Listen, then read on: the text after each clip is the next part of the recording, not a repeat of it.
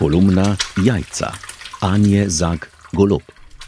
Včeraj je minil še en mednarodni dan žensk in to v toksični družbi, kakršna je naša, kjer nam velik del moških niti ne želi prisluhniti, ko razgaljamo dan na dan občutene neenakosti, ko denimo opozarjamo, da nismo svojina, naj slovnica to še stokrat požegna.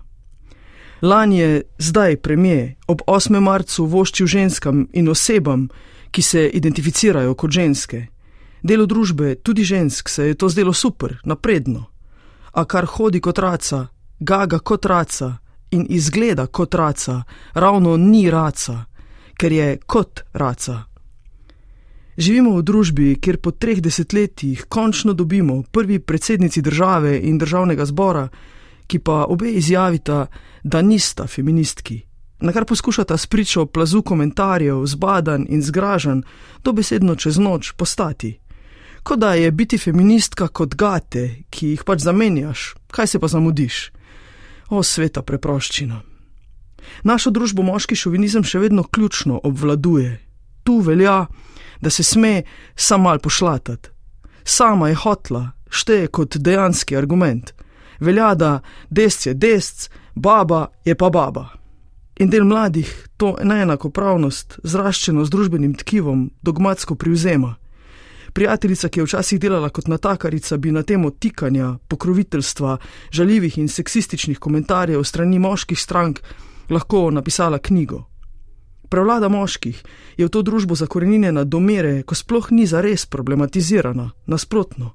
Vsak poskus uvedbe enakopravnosti, da nimo v slovnici, naleti na silovit odpor moških, a tudi dela žensk, ki se jim zdi povsem v redu, da so zato, ker so ženske, ocenjevane po kriteriju zunanjosti, na to pristajajo in igrajo.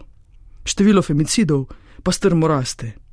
Stanje je katastrofalno, zato bi se veljalo spomniti revolucionarne podstati 8. marca ter preizprašati temelje družbene ureditve in podreti, kar je gnilo. In tega je precej. Začnimo zato takoj. Senagel je lep cvet, toda. Toda veliko boljše darilo bi bilo, ko bi vsak moški vsaj tri sebi bližne ženske povabil na čaj in jih vprašal, ali so bile strani moških kdaj v življenju ponižane, mentalno in ali fizično zlorabljene, napadene, posiljene. In samo poslušal, kar imajo povedati. Da končno vsaj ta zblojeni mit, kako da gre za izjeme, odvržemo na smetišče zgodovine. Komaj kakšno žensko namreč žal poznam in poznam jih precej, ki na to vprašanje ne odgovori pritrdilno.